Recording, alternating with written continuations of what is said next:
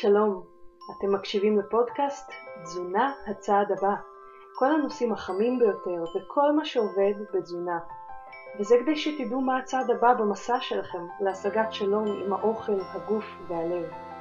מוגש לכם על ידי רותי פינק, דיאטנית קלינית והוליסטית שמחפשת תמיד מה עוד אפשרי בתזונה, בבריאות ובחיים.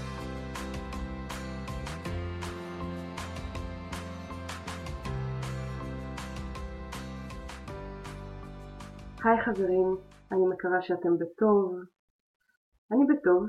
ה podcasting הזה הולך ומוצא חן בעיניי הרבה הרבה יותר, ואני חושבת שזה בגלל שעד עכשיו הייתי עושה סרטונים, פוסטים, בלוג, אה, מתכונים, הכל קיים באתר שלי, זה לא נעלם לשום מקום. אגב, האתר שלי זה rutifink.com, פינק כמו F כמו פנטזיה. אבל אה, מה שאני חושבת שהפודקאסט הזה מאפשר לי לעשות שלא היה עד עכשיו זה אשכרה להביא את עצמי לעומק לעולם. כי בטקסטים או בסרטונים, או בטוח במתכונים, זה כאילו תמיד מתומצת ו- ולפואנטה כדי לא לעייף את האנשים, אבל פה בגלל שאני רצה איתכם או נוסעת איתכם בפקק או לא יודעת מה, מה שאת שוטפת איתכם כלים, ומלווה אתכם יותר נכון כשאתם עושים את זה, אני כאילו יכולה לצאת באמת, לצאת מהסלוגנים ומהכותרות נקרא לזה ככה, מהתמצותים, מהשטחי, יכולה להיכנס אתכם לעומק, ובשבילי זו ברכה גדולה. אז אה, ככה זו הייתה הקדמה קצרה ואנחנו מתחילים עם הפודקאסט. ולנושא החם של השבוע. אז uh, היום אני הולכת להביא לכם מחקר מפתיע של אחד הנושאים הכי שנויים במחלוקת כרגע בעולם התזונה, הגלוטן, דה דה דה דם. באוקטובר השנה התפרסם מאמר בעיתון נחשב יחסית שנקרא Nutrients. Um, מצאתי אותו מאוד מעניין ודווקא בגלל שיש לי ניסיון אישי בזה. Uh, אז המאמר הזה בתרגום, הכותרת שלו בתרגום מאנגלית זה הפרעות מצב רוח וגלוטן, זה לא הכל רק בראש שלך. זה מאמר ריוויו ומטה-אנליזה, שזה אומר שלקחו הרבה מחקרים ביחד, סיכמו אותם בקצרה, ואז העמידו את כולם ביחד, אה, כאילו, כאילו את כל הנבחנים ביחד, למבחן סטטיסטי משותף כדי לראות את התמונה הגדולה, את מה יוצא מסך כל המחקרים.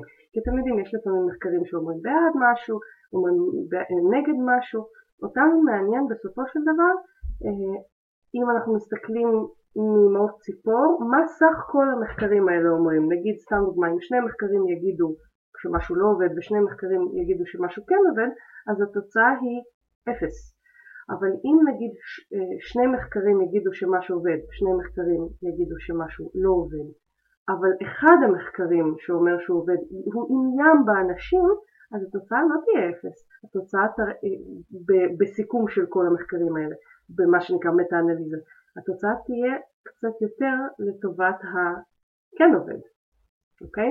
בגלל זה אנחנו מאוד מאוד אה, ככה בעולם המדע אה, אוהבים מטה-אנליזות, כי הרבה יותר קל להסיק מסקנות, להסיק מסקנות או המלצות ממטה-אנליזה, שהיתרון הגדול שלה זה שהיא מאגדת הרבה מחקרים, מאשר ממחקר אחד או מכמה מחקרים בודדים. המאמר הזה בדק אם יש צדק באמרה של חלק מהאנשים שגלוטן משפיע על מצב הרוח שלהם. עכשיו, אני רוצה לשתף אתכם במשהו אישי. אצלי, אישית, בדוק, ובדקתי לפי פרוטוקול מאוד מאוד ידוע, אז אצלי, כמו שאמרתי, נבדק, יש קשר בין גלוטן למצב הרוח. עכשיו זה עד כדי כך בולט ההבדל הזה בין כשאני אוכלת גלוטן, גם אם הוא כמובן דל פחמימות, לבין כשאני לא אוכלת גלוטן, עד כדי כך ההבדל הזה בולט, שאם אני קצרת רוח הילדים שלי כבר יודעים לשאול אותי אמא אכלת גלוטן היום? לא שאני גאה בזה במיוחד אבל אה, לכולנו קורה שאנחנו קצת עצבניים לפעמים או קצרי רוח ו... זה יכול להיות כמובן מסיבות אובייקטיביות, אבל אפילו בסיבות אובייקטיביות אני יותר קצרת רוח אם אני אוכלת גלוטן. אז אה, בחזרה למחקר. החוקרים אה, במחקר הזה כללו בסך הכל 13 מחקרים שהם ראו שהם מתאימים להיכנס, יש צורה לעשות מטה-אנליזות, להיכנס למחקר הזה וזה הסתכם בסך הכל 1139 משתתפים. זה לא המון, זה לא עשרות אלפי או מאות אלפי בני אדם של המחקרים הגדולים, אבל זה לא מעט, זה לא עשר, זה לא מאה. ומה שהם מצאו זה שתזונה נטולת גלוטן הייתה קשורה בצורה מובהקת להפחתה בתסמיני דיכאון, זה דבר ראשון, שזה מרתק בעיניי, ושאצל אנשים לאחר הימנעות מגלוטן, אלה שנמצא אצלהם קשר, כשנתנו להם לאכול מזון עם גלוטן בצורה עיוורת, כלומר הם לא ידעו אם יש בו גלוטן או לא, זה חלק מהכלים שמשתמשים במחקרים טובים, אז באנשים כאלה הייתה החמרה מובהקת בתסמינים דיכאוניים כשהם אכלו גלוטן לעומת אלה שקיבלו בצורה עיוורת מזון ללא גלוטן. והחוקרים מסכמים שיש להמשיך לחקור את הקשר בין תזונה נטולת גלוטן לבין מצבי הרוח. עכשיו הסיכום הזה הוא נורא אופייני למדע, כי במדע אמיתי אנחנו לא יכולים להסיק מסקנות ממחקר אחד. תמיד זה יש להמשיך לחקור, אוקיי? אבל אני רוצה ככה להתמקד איתכם בדברים הפרקטיים שאני ככה כאשת מקצוע שכן אמורה לתת המלצות, אה, מה אני יכולה להפיק מהמחקר הזה. אז מה שאני לא יכולה להפיק מהמחקר הזה זה את ההמלצה שכולם צריכים להוריד גלוטן, ממש לא. אה, יש מחקרים אחרים שמחשידים אותי שלא מעט אנשים יכולים להיות רגישים לגלוטן, אבל זה משהו שאי אפשר לקבוע באופן נחרץ ובטוח אה, לא ממחקר אחד, ובכל עולם המדע, ברמה המדעית, כאילו, כרגע זה יותר חשד מאשר המלצה ככה חד משמעית. יכול להיות שבהמשך זה יהיה המלצה חד משמעית, אבל uh, כרגע, מאיך שאני רואה את זה, גלוטן כן חשוד. אבל מה שאני כן ממליצה ספציפית מהמחקר הזה, זה שאם אתם סובלים ממצב רוח ירוד, או מהפרעות מצב רוח נוספות כמו דיכאון או חרדות, או תנודות חריגות במצבי רוח, ייתכן שכדאי לנסות למשך כ-3-4 שבועות תזונה ללא גלוטן. במקרה הרע, תלמדו שיש המון אופציות נוספות לאכול ללא גלוטן. ימבה. אם אתם רוצים, לכו לאיש מקצוע, לדיאטנית, דיאטן, ידריכו אתכם תותחים בזה. ובמקרה הטוב, אם אתם תימנו 3-4 שבועות אה, מגלוטן, אה, במקרה הטוב, נחשוף לכם אה, נוגדי דיכאון וחרדה בטיפול פסיכולוגי ארוך טווח, כי אתם תגלו שאתם יותר אה, אה, באיזון מבחינת מצב הרוח. אז זה כל מה שאנחנו יכולים להפיק מהמחקר הזה. כאמור, יש מחקרים נוספים שמחשידים את הגלוטן מאוד בעוד המון המון דברים. האם כולם צריכים להוריד גלוטן? חד משמעית לא. אבל יש המון סימנים שיכולים להחשיד על רגישות לא צליאקית לגלוטן. זה ממש אה, הפרעה שיש לה יותר ויותר ספרות מדעית, שקיימת חיה כזאת מה שנקרא. צליאק זה, זה רגישות מאוד מאוד ספציפית לגלוטן, זה אנשים שממש לא יכולים אפילו טיפה, אפילו, אפילו קרש שנחתך עליו גלוטן, צריך להישטף היטב עד שיחתכו עליו דברים ללא גלוטן, זה צליאק. או כלים נגיד, צריך לשטוף אותם היטב, אה, אה, כלומר אי אפשר להשתמש באותו כלי וכן הלאה. אבל יש אנשים שהם פחות רגישים לגלוטן, אה, ויש על זה יותר ויותר מחקר. אנחנו בטח ניגע, לזה גם בפוד, ניגע בזה גם בפודקאסטים הבאים. אז זה ככה מהמחקר של היום. ועכשיו, שאלות המאזינים. אז היום יש לנו שאלה נהדרת מאנונימית שלא רצתה להזדהות. אה, ואנונימית אומרת ככה, בכל, כותבת יותר נכון, בכל מקום אומרים שהארוחה הכי חשובה ביום היא ארוחת הבוקר, ושלא אוכל לרדת במשקל אם לא אוכל ארוחת בוקר. אני בתהליך של ירידה במשקל, אבל מעולם לא אהבתי לאכול בבוקר, אז האם אני באמת עושה טעות? אז אנונימית יקרה, תודה על השאלה, כי זו שאלה מאוד מאוד נפוצה בקרב אלו שבאים אליי. ובכלל. שנים אנחנו שומעים את האמרה שארוחת הבוקר היא הכי חשובה ביום. מי שטוען את זה למשל מצטט את הרמב"ם, את היפוקרטס ועוד אנשים חכמים. אה, יש אנשי מקצוע שמרחיקים לכת, אה, רובם לא דיאטנים, אה, שמרחיקים לכת ואפילו אומרים שאדם שלא אוכל ארוחת בוקר מתנפל אחר כך על האוכל או לפחות לא יכול לרדת במשקל כי הוא לא מתניע את חילוף החומרים. אז בואו נעשה סדר בדברים. בתור התחלה אני רוצה להגדיר מה זה ארוחת בוקר, אוקיי? באנגלית ארוחת בוקר נקראת breakfast, שה... או breakfast, שהפירוש של זה זה לשבור צום. עכשיו, על איזה צום אנחנו מדברים? אנחנו לא מדברים על יום כיפור, נכון?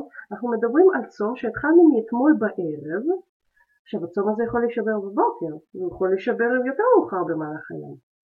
אז בנושא של ארוחת שבירת צום, breakfast, אני מסכימה שהיא הכי חשובה במהלך היום. היא מפעילה את מערכת העיכול בצורה משמעותית הרבה יותר מאשר מערכת העיכול פועלת בזמן צום, והיא גם יכולה להגביר קצת את ההוצאה האנרגטית בגלל שהגוף שורף אנרגיה על עיכול מזון. זה מה שבדרך כלל בטעות, כי זה לא באמת הכוונה האמיתית של זה, אבל זה מה שבדרך כלל מתכוונים כשאומרים להגביר את חילוף החומרים עם ארוחת הבוקר. אבל בואו, ההגברה הזאת בשרפת האנרגיה לצורך עיכול מזון, קודם כל היא לא כזו משמעותית, והיא קורית בלי שום קשר למתי אתם שוברים, שוברים את הצום הזה. כלומר, גם אם זה יהיה בצהריים או אחר הצהריים, עדיין תהיה אותה הגברה, או פחות או יותר אותה הגברה, אה, של האנרגיה אה, שהגוף שורף לעיכול מזון. אוקיי? עכשיו, זה דבר ראשון. בנוגע לחובה או לאפשרות לאכול ארוחת בוקר בבוקר, או עם העקיצה, אני אוהבת לראות קודם כל מה המדע אומר, האם זה באמת מוכח מדעית. אז בהחלט נעשו על זה מחקרים, ומה שיוצא מהמחקרים הוא שאכן יש יתרון לאכילה של ארוחת הבוקר. במה?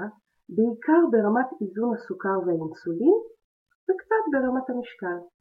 אבל שימו לב, קודם כל זה יתרון, זה לא אומר שזה פועל לכולם ושזה חד משמעי חובה לכולם.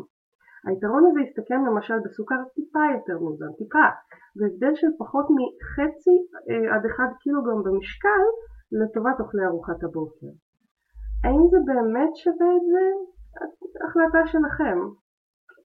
עכשיו, כשאנשים באים אליי עם השאלה הזאת, אני תמיד אוהבת להגיד שהגוף שלנו יודע להחליט אם הוא זקוק כרגע לאנרגיה או לא, וזה גם נורא תלוי גם בשעון הביולוגי שלנו. נגיד יש אנשים שהם דרורים, שמתעוררים רעבים בבוקר לרוב, אה, עיקר השעות הטובות שבהם הם הכי פרודוקטיביים והכי מתפקדים טוב זה אצלם בבוקר ובערב כבר אין עם מי לדבר. אני למשל כזאת, אני בסביבות עשר יכולה להירדם הרבה פעמים ולא מפריע לי להתעורר מאוד מוקדם, אני אפילו אוהבת את זה, אני ממש אוהבת את ה...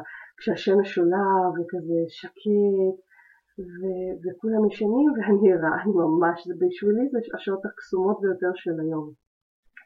אז אה, אנשים כמוני, דרורים, הרבה פעמים יקומו רעבים בבוקר.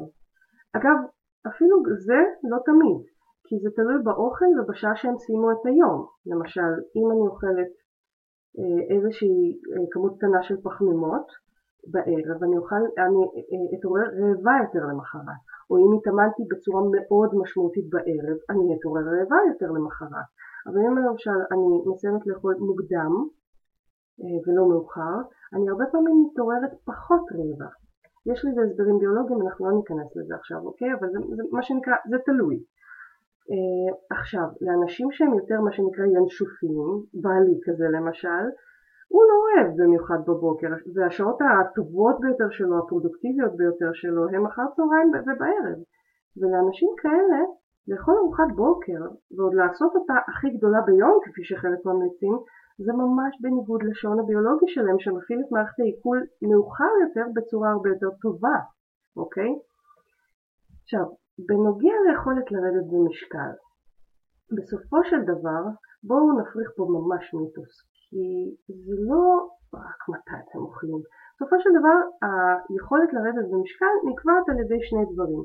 אחד זה כמות הקלוריות שאת, שאתם אוכלים במהלך היום, אה, ושתיים זה מה שהגוף עושה עם הקלוריות האלה. האם הוא מנצל אותם לפעילות, לבנייה, לחימום הגוף, או אם הוא מנצל אותם להגירה ברקמת השומן. זה האחריות של הורמונים, אוקיי? בין היתר.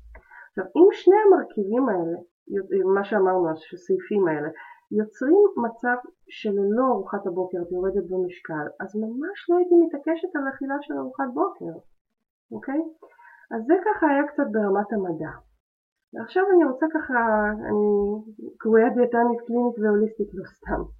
אני תמיד אוהבת להסתכל על, התמונה הגדולה יותר, ההוליסטית יותר. אני רוצה לחבר את זה אמ, כהרגלים, מה שנקרא בקודש, לחוכמת הגוף שלך, כמו שלכם. אתם כבר יודעים שהגוף שלנו הוא מכונה מופלאה, והוא מכיל אינטליגנציה מטורפת שאנחנו לא מעריכים מספיק. אז אני רוצה לפנות אלייך אנונימית ישירות, ולשאול אותך, מה את מרגישה?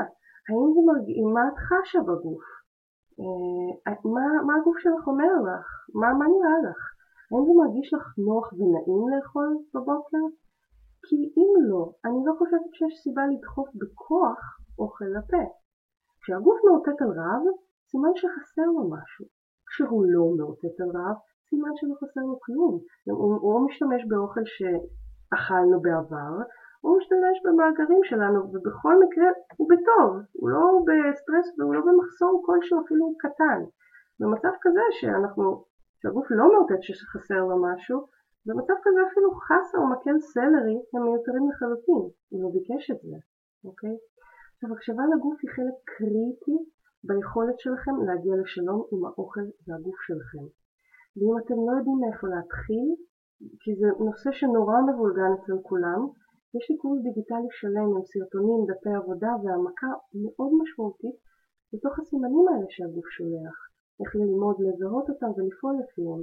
ניסיתי את הקורס הזה בדיוק כי אני רואה כמה בלבול וכמה מיתוסים יש באוכלוסייה שגורמים פשוט לסבל ולאובססיביות סביב האוכל ולא, ולא צריך אותם, זה כמו ג'אנק, אוקיי? אה, אז אה, אם, אתם, אם זה באמת נושא שאתם לא מוצאים בו את הידיים והרגליים שלכם, או אתם רוצים לחדד אותו, אתם מוזמנים ממש בחום להיכנס לאתר שלי rutifink.com, think f כמו פנטזיה, ויש שם בתפריט קורסים דיגיטליים. הקורס הזה נקרא לרזות בשפת הגוף. הקורס הזה יחסוך לכם הרבה תסכול, זמן וכסף לעתיד, תאמינו לי. כמו שאמרתי, זה החלק של האכילה האינטואיטיבית וה-Non-Diet Approach שדיברתי עליו בפרק ההקדמה שהתנסיתי בו. שזה לדעתי פשוט הבסיס. הבסיס לכל מערכת יחסים עם הגוף ולכל אה, תהליך שיכול ליצור מצב שהאוכל חוזר להיות רק אוכל ולא נחמה או, או טיפול או תעסוקה. עכשיו, בנוגע להמלצות הרמב"ם, לא מצאתי שום ציטוט בשום ספר שלו על הדבר הזה, וחיפשתי. עכשיו ייתכן שאני לא יודעת לחפש נכון כי אני לא בקיאה בכתבי החכמים, אז אם יש מאזין או מאזינה שיודעים מה המקור של הציטוט הזה של הרמב"ם שאומר בבוקר, בבוקר תאכל כמו מלך, בצהריים כמו נסיך או משהו כזה ובערב כמו עני. אם אתם יודעים מאיפה הציטוט הזה ואם הוא אכן של הרמב"ם, אני ממש אשמח לדעת מאיפה הציטוט הזה אה, כדי שאני אוכל לעדכן וככה לדייק את המאזינים. ועכשיו אנחנו עוברים לנושא המורחב של השבוע. הנושא המרכזי של השבוע אז בנושא השבוע היום נדבר על תזונה קטוגנית שעולה המון לכותרות וגם התנסיתי בה אישית לאורך תקופה ארוכה ומדי פעם חוזרת אליה ככה כשאני צריכה את זה. עכשיו, תזונה קטוגנית היא תזונה שמעבירה את הגוף לשימוש בשומן ובקטונים כדלק מרכזי, ואני מיד מסבירה את עצמי. הגוף משתמש בסוכר כדלק מרכזי לאיברים השונים, נגיד השרירים, המוח, הלב, ווטאבר. הוא תמיד משתמש גם בשומן ובתוצרי הפירוק שלו, אבל לא כדלק מרכזי לאיברי הגוף השונים. עכשיו, מה שקורה בתזונה קטוגנית, עכשיו, אני רוצה גם ליישר מה זה דלק מרכזי. מה שאני מדברת כדלק מרכזי, אני מדברת יותר ברמה הביוכימית של התא. כל מה שמפעיל את האנזימים וכל זה. הפקת האנרגיה המרכזית מחייבת אותנו סוכר לרוב. לא במצב הקטוגני, אבל לרוב. אוקיי? עכשיו, מה שקורה בתזונה קטוגנית זה שבעזרת שינוי תזונתי, שתכף אני הולכת לפרט עליו, בעזרת השינוי הזה אנחנו מפחיתים כל כך משמעותית את הסוכר בגוף, בדם, שאנחנו בעצם מכריחים את הגוף לפנות לדלק החילופי שלו, שומן, כדלק מרכזי למנגנונים האלה. וככל שכמות הסוכר יורדת וכמות השומן עולה, ובמיוחד בכבד, מתחיל להיווצר רכיב נוסף בגוף, הקטונים. הקטונים זה סוג של מולקולה שהיא הדלק הנוסף למוח. המוח לא טוב במיוחד בשימוש בשומן לאנרגיה. שרירים יכולים לחיות על שומן, לב יכול לחיות על שומן, כי הוא גם שריר בסופו של דבר, המון, רוב האיברים יכולים לחיות על שומן, אבל המוח לא. המוח זקוק או לסוכר או לקטונים. אז במניפולציה התזונתית הזאת, שנקראת תזונה קטוגנית, אנחנו בעצם גורמים לגוף לעבוד על שומן וקטונים כדלק עיקרי. זו הסיבה שהיא נקראת תזונה קטוגנית. קטו זה כי נוצרים גופי קטון, וגנית, שהמשמעות של המילה הזאת בלטינית זה ייצור. גנזה זה ייצור. עכשיו, במצב שכמות הקטונים בדם עולה מעל לסף מסוים, אנחנו קוראים קטוניס. יש עוד מצב שאולי נגיע אליו בפרקים הבאים, אה, בהרחבה, לא בטוח, כי הוא באמת לא כזה נפוץ. המצב הזה נקרא קטו-אצידוזיס, והוא אחד הגורמים ש... אה, שיוצרים חשש בקרב אנשי מקצוע מתזונה קטוגנית. בקטו-אצידוזיס כמות הקטונים עד כדי כך עולה שזה מתחיל לפגוע בגוף. אבל אני רוצה להגיד ככה רק בקצרה, כי אני לא רוצה להיכנס לזה יותר מדי לעומק, כי באמת זה מנגנונים, זה, זה לא לפודקאסט הנוכחי, שמתמקד בתזונה קטוגנית, לא זאת שיוצרת קטואצידוזית. זה מצב שקורה או בצריכה מאוד משמעותית של אלכוהול, או אצל סוכרתיים שאין להם אינסולין, אוקיי? סכרת type 1, סוג 1, שהגוף מפסיק לייצר אינסולין, כי אינסולין מבקר את ייצור הקטונים בגוף. בכמות אינסולין תקינה, כמות הקטונים לא תעלה משהו, מעבר לסף מסוים, הגוף שומר על עצמו. זה כאילו ההבדל בין קטוזיס לקטואצידוזיס זה כמו ההבדל בין אדם רגיל לסכרת ברמת הסוכר בדם כאילו. באדם רגיל כמות הסוכר תקינה, באדם עם סכרת כמות הסוכר, אם הוא לא מאוזן כמובן, היא בשמיים. אותו דבר קטוזיס. קטוזיס זה כמות מסוימת עד כמות מסוימת של קטונים שלא מזיקה לגוף, לפחות אנחנו לא יודעים על איזשהו נזק מאוד משמעותי בשנתיים שלוש של שימוש בתזונה הזאת. ובקטוצידוזיס הכמות הזאת עולה מדי, כל דבר שהוא יותר מדי גבוה יותר מדי נמוך מן הסתם פוגע בגוף. עכשיו קטואצידוזיס יכול לקרות גם אצל סוכרתי בתזונה קטוגנית, למשל כשהוא יתייבש או חווה מחלה מסוימת כמו שלשולים רציניים. אבל תזונה הקטוגנית, זו שמביאה לקטוזיס, שזה כאילו המצב המותקין, ולא לקטואצידוזיס, שזה המצב החולני, בתזונה הקטוגנית יש המון יתרונות. כמו שהבנתם, היתרון הגדול שלה הוא איזון הסוכר, ממש בצורה משמעותית. אה, עכשיו, האם חייבים להגיע לקטוזיס כדי לייצר סוכר? ממש לא. אם אתם זוכר, זוכרים, אה, בפרק הקודם, פרק 1, דיברנו על כך שקיימים עוד סוגים של תזונה דלת פחמימות.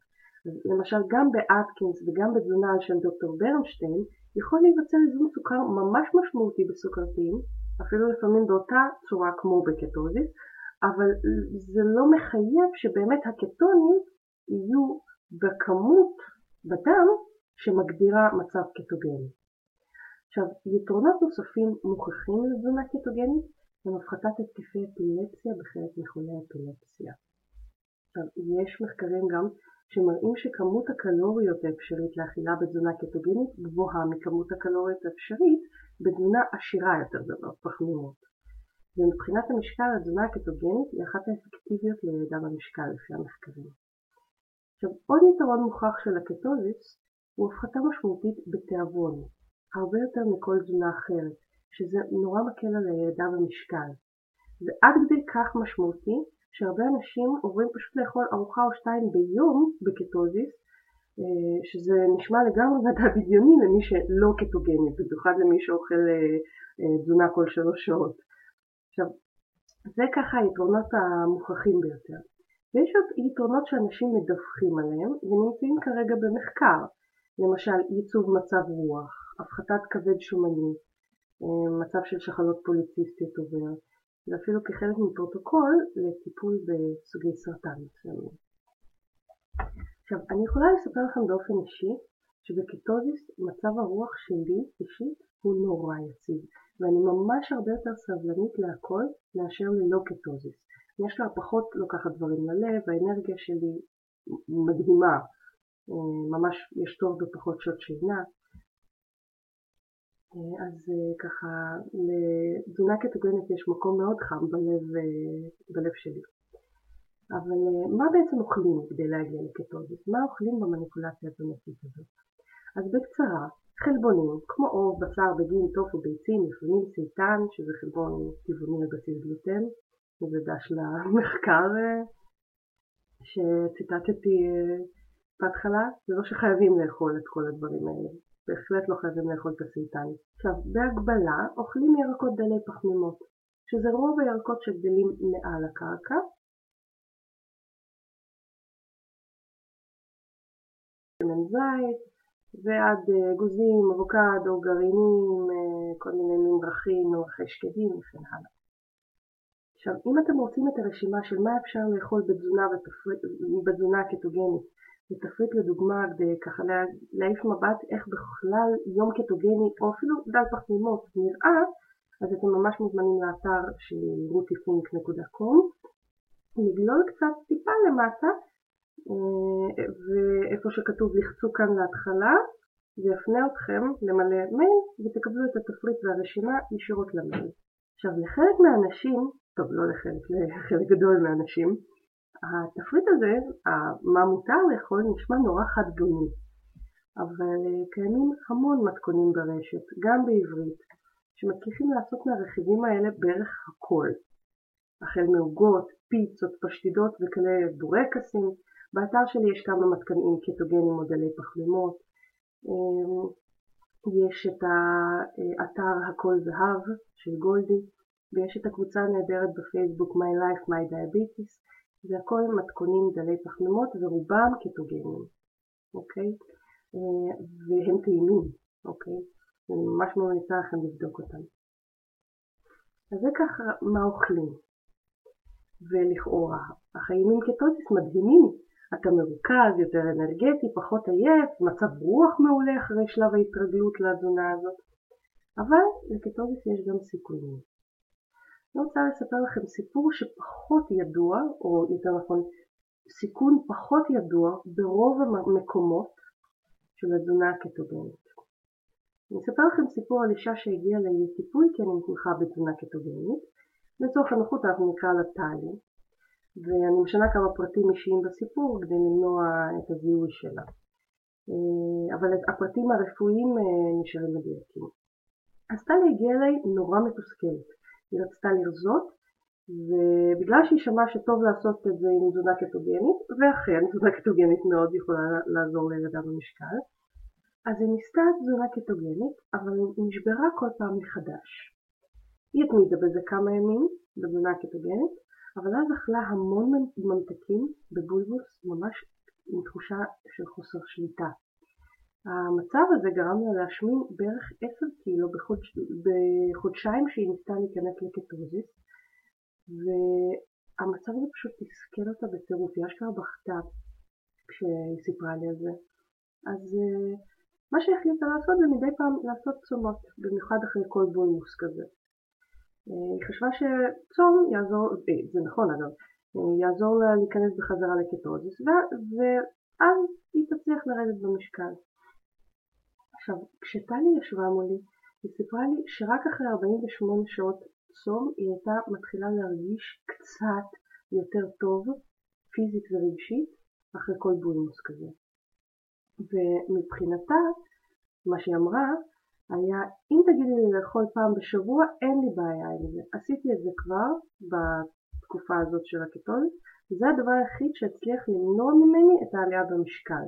כל פעם שאכלתי בתדירות גבוהה יותר עליתי במשקל. ואני שאלתי אותה מה קרה אחרי השבוע הזה שעשית צום? הצלחת לאכול רגיל, קטוגני, משהו? ולא, היה לה עוד בולמוס של המון מתוקים אחרי שבוע כזה. והיא ממש דיברה ברמה של משהו דפוק אצלי בראש. היא אמרה, מאז הקטוזיס, ואני מצטטת אה, כמובן בשינוי הזה, אשכרה נעשיתי חזירה מאז הקטוזיס, זה מה שהיא אמרה לי. אני לא יכולה להסתפק במעט אוכל, אני חייבת רק לבלוץ. אה, והיא גם אמרה שהיא התייעצה בכמה פורומים באינטרנט, והם אמרו לה לעבור לבשר, מלח ומים בלבד, ושזה מה שירגיע לה את הבולמוסים. והיא אמרה שהיא ניסתה גם את זה למשך חודש, כאילו חודש קטוגני וחודש אה, קרניבורי מה שנקרא. אבל אחרי כמה ימים היא כל פעם ניסתה לחזור לקרניבורי, אבל אחרי כמה ימים הבולמוסים היו חוזרים. ומה שטלי תיארה היה הפרעת אכילה קלאסית של מולמוסי אכילה, בתדירות גבוהה במהלך השבוע. ומה לדעתכם קרה לטלי? האם התזונה הקטוגנית לא עבדה אצל טלי? או אולי טלי לא עשתה אותה כמו שצריך? האם משהו באמת דפוק בראש של טלי? אני אגיד לכם מה עשיתי עם טלי. הדבר הראשון היה להסביר לה שלא רק ששום דבר לא דפוק בראש שלה, אלא שההתנהגות שלה מצביעה על צד מאוד בריא, בריא שלה, הצד שרוצה להישאר בחיים. הצד הזה, שאני אוהבת לקרוא לו מוח הערבה, זה דפוס שקיים בכולנו, שתפקידו לשמור עלינו בחיים. הוא מתעורר כשאנחנו חווים מחסור, תחושת מחסור. היא יכולה להיות פיזית והיא יכולה להיות רגשית. אה, מחסור באוכל הכוונה, או ברכיבים מסוימים של האוכל. אצל חלק מהאנשים זה יכול להתעורר בעקבות דיאטה או גירעון קלורי משמעותי, אצל חלק בגלל דפוסים של, שקרו בעבר, דפוסים פסיכולוגיים. עכשיו, טלי הייתה מנוסת דיאטות בעבר, ואחרי תשאול, מה שגילינו זה שמה שהעיר לה את הדפוס של המוח המורעב הזה, היה תחושת האיסור שחוותה בתזונה הזאת, תזונה קטוגנית. אז האם התזונה הקטוגנית לא עובדת במקרה של טלי? אם הייתה עושה אותה, כמובן שהיא הייתה עובדת, אבל היא עובדת לאנשים שזה מתאים להם, ואדם שתחושה של המוח המורעב, הדפוס הזה, יכול להתעורר אצלו בקלות, הוא בקבוצת סיכון מאוד גדולה להפרעת אכילה. איש מקצוע יכול לזהות ממרחק את הדבר הזה, בדיוק כמו שחזאי מזג אוויר יכול לזהות סופה שמתקרבת בעוד כמה ימים. אבל אדם מן המניין, או פורומים, לא שימו לב לדבר הזה, בדיוק כמו שאני לא יודעת לחזות מזג אוויר מעבר לעוד שעה, כי אני לא חזאי. אז מה שעשיתי עם טלי היה קודם כל להרגיע את הדפוס הזה של המוח המורעב, בעזרת כמה טכניקות פסיכולוגיות שנתתי לה, ובעזרת תפריט של ארוחות שהיה יחסית דל פחמימות אבל כלל שלוש ארוחות. הוא לא היה קטוגני, הוא היה יחסית דל פחמימות. כל זה כדי למנוע מהמוח המורעב להתעורר שוב. בפגישה אחרי זה, טלי כבר חזרה עם ירידה במשקל, רגועה יותר, ולא חוותה לא בולמוסים ולא עשתה צומות. זה היה כוחה של ההתאמה האישית של התזונה. וזו אחת הסיבות שאני מעודדת כל אדם שנוטה לנסות תזונה מגבילה יחסית, להיות במעקב תזונתי. לא רק בשביל התזונה, ולא רק בשביל לדעת שהוא אוכל את כל הוויטמינים ומינרלים, אלא גם למנוע נזקים או השלכות שקשורים לנפש. כי בואו נודה בזה, תזונה קטוגנית היא תזונה יחסית מגבילה, יחסית למה שאחרים אוכלים. היא פחות מקובלת, ולכן רק זה יכול ליצור קושי אצל חלק מהאנשים ברמה הפסיכולוגית ולעודד את המוח המורעב. האם אדם עם הדפוס הזה של המוח המורעב לא יכול לעשות תזונה קטוגנית? בטח שכן. המוח המורעב קיים אצל כולנו, אבל האדם שהמוח המורעב יתעורר אצלו בצורה משמעותית, יכול לעשות את זה רק אחרי שינוי ה mindset, כך שהמוח המורעב לא יתעורר במצב כזה. וזו כאמור מהות הטיפול התזונתי האמיתי אצל איש מקצוע מעמיק. אז הפרעת אכילה היא אחד הסיכונים של תזונה מוגבלת יחסית, לא רק לקטוזיס, זה יכול להיות גם בטבעונות, זה יכול להיות בתזונה ללא גלוטן, זה יכול להיות בכל תזונה מקבילה, אבל זה צד, צד אפל מאוד שלא מספיק מודעים אליו ברשת ובקבוצות וממשיכים ללחוץ על הבן אדם לנסות בזמן שזה מדרדר את המצב שלו. אני חושבת שברשת אנחנו צריכים להיות מאוד מאוד מאוד צנועים וזהירים.